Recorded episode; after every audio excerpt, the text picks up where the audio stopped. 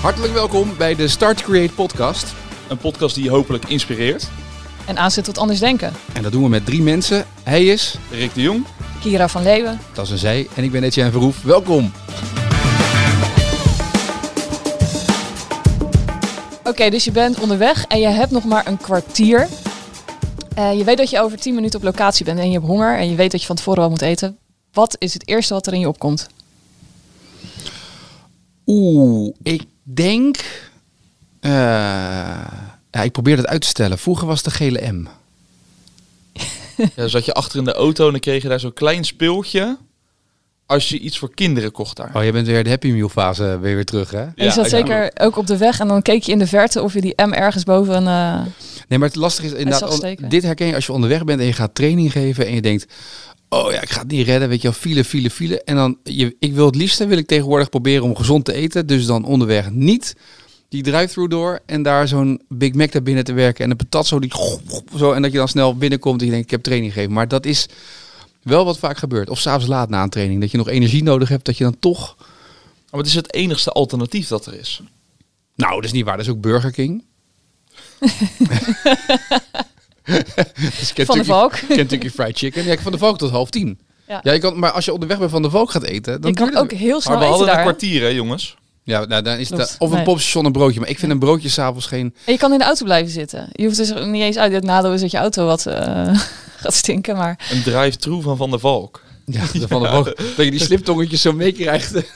Wat wilt u als voorgerecht? Ja, een kopje tomatensoep alstublieft. Maar eigenlijk is dat perfecte marketing, toch? Als, als we dit allemaal al denken. Hè? Automatisch. Ja.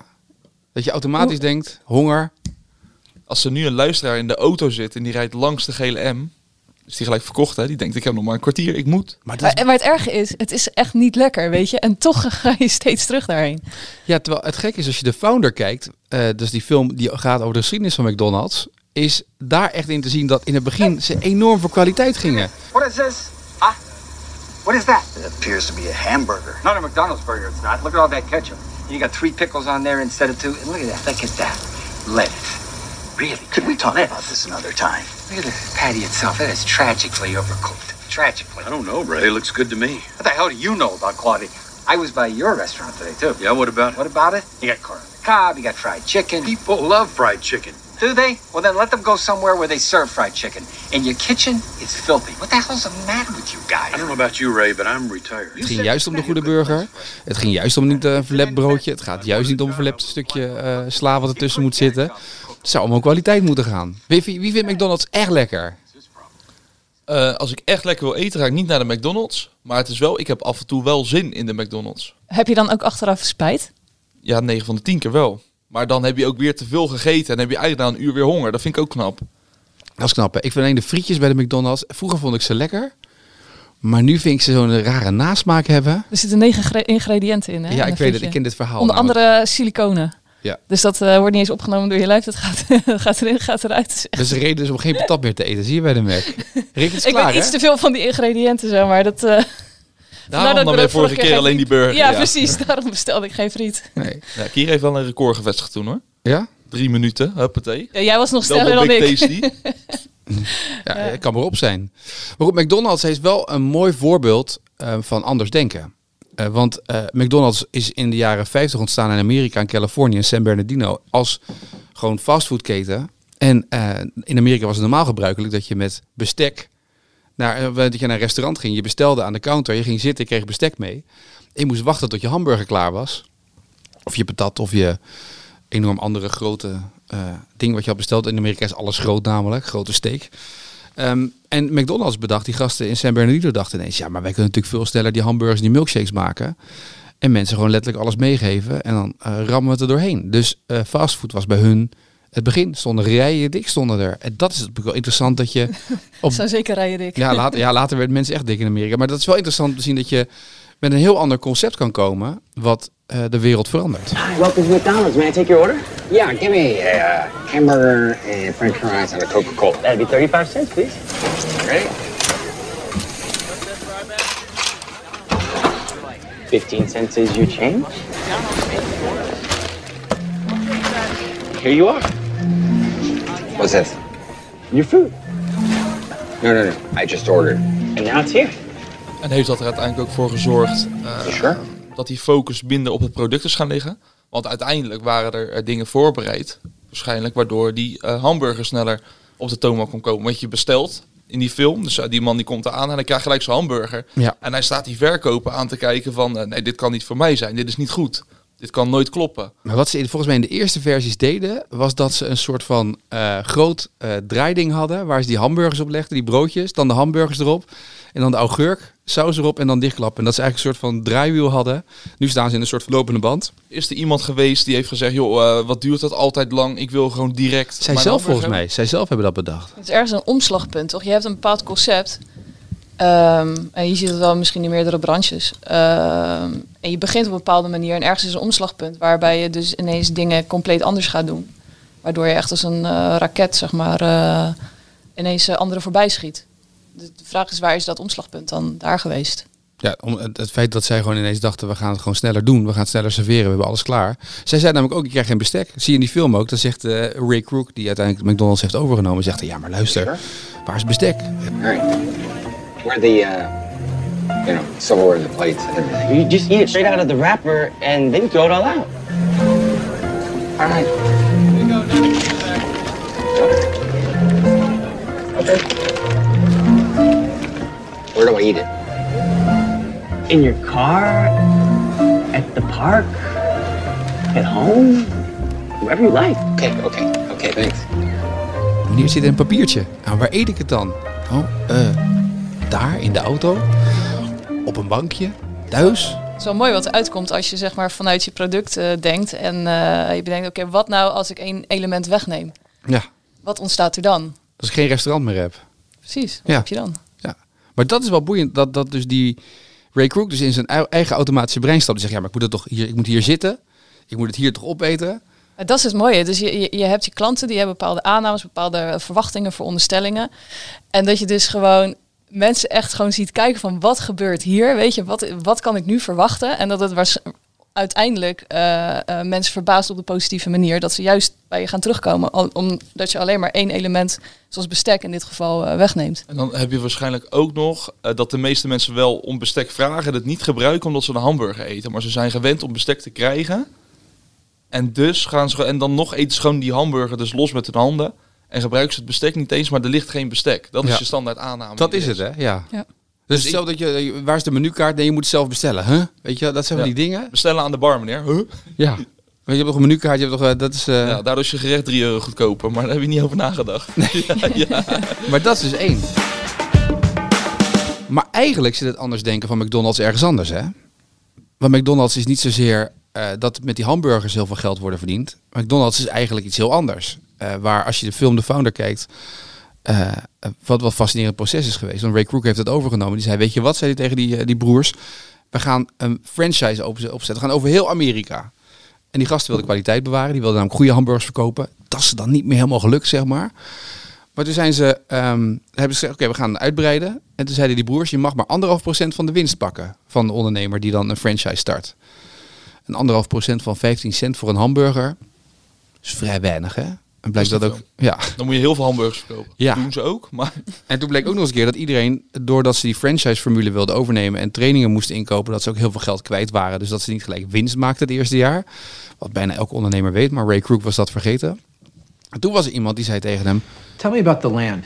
The land. The land, the buildings, how that whole aspect of it works. Oh, pretty simple, really.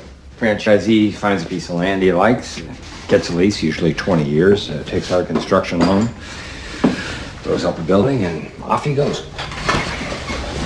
So the operator selects the site. Yeah, He picks the property. right. You provide the training, the system, the operational know-how, and he is responsible for the rest. Is there a problem? A big one. You don't seem to realize what business you're in.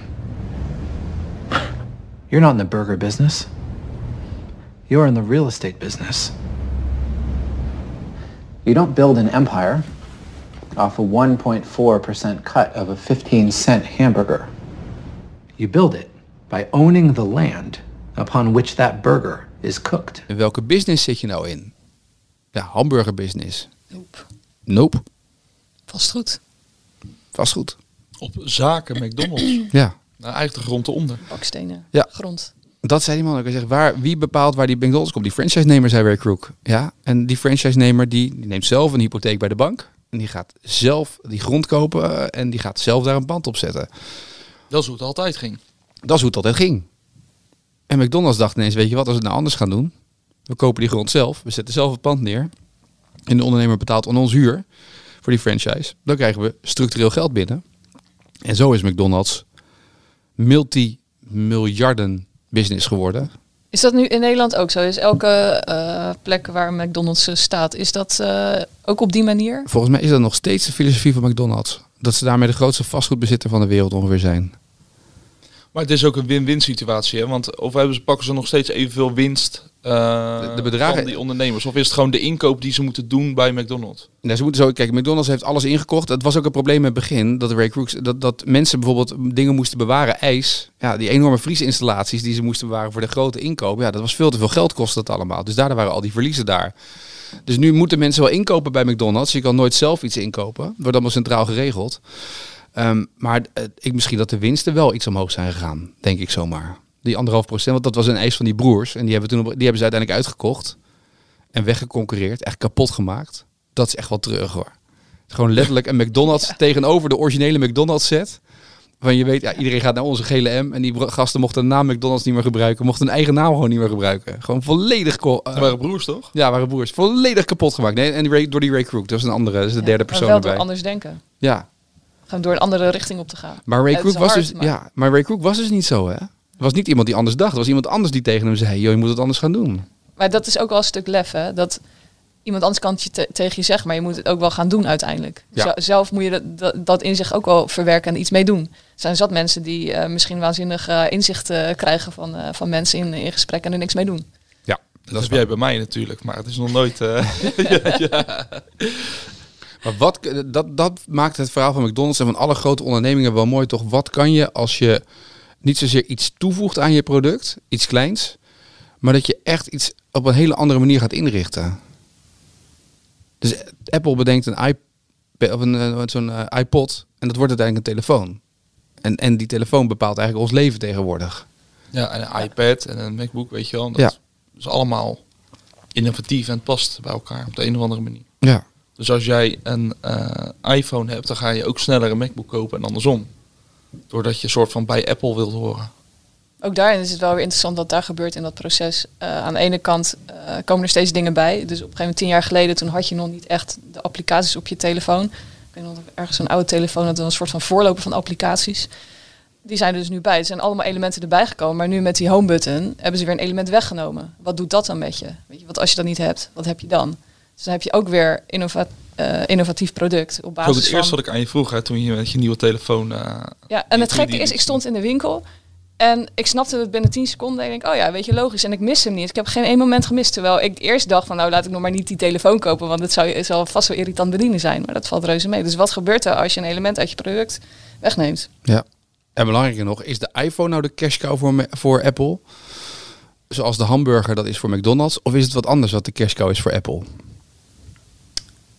Ik weet wel dat ze zeg maar eh, veel eh, verlies eh, lijden schijnt zeg maar op die, eh, op die eh, Apple eh, store zeg maar. Dat gaat puur om beleving, dat is puur kosten maken. Dat vroeg ik niet. Maar de- als je het hebt over vastgoed, hè, dus ik weet in ieder geval dat daar zeg maar niet. eh niet dat vroeg ik niet. Nou ja, misschien wel. Dat Verdienen ze, niet. Daar weet ik te telefoon, weinig van. verdienen ze het geld met die telefoons of met andere dingen?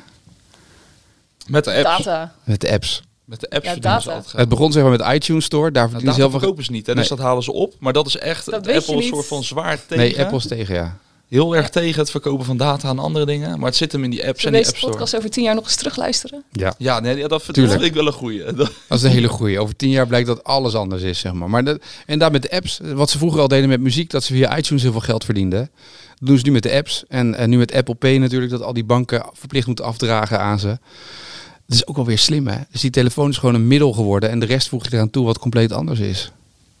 En dat is het wel. Dus de mensen die een hamburger bij McDonald's kopen, zijn in de veronderstelling dat het een hamburgerboer is, om het zo te zeggen. De mensen die een telefoon bij Apple kopen, zijn in de veronderstelling dat het een telefoonboer is. Maar eigenlijk zitten er hele andere dingen achter. Dus de consument is zich niet bewust van het feit dat er iets achter zit op die manier. En dan heb je je business wel goed ingericht, denk ik. Slimme marketing. Dan heb je je business heel goed ingericht, ja. Nou, laat dit nou een inspiratie zijn om te kijken of je soms tot hele andere dingen kan komen. Dit was eh, de podcast van Start to Create. Wil je nou meer weten van Start to Create? Kijk dan ook op de website www.startcreate.nl. Binnenkort ook weer nieuwe opleidingen en inspiratiesessies om te kijken of je zelf anders kan denken. En zij denken dat dat onze business is, maar eigenlijk zit er iets heel anders achter. Hè? Ja, er zit iets heel anders En achter. wat het is, dat vertellen we niet. Dat leggen we bij de inspiratiesessie Dat wel moeten uit. we nog verzinnen. Precies. Tot de volgende.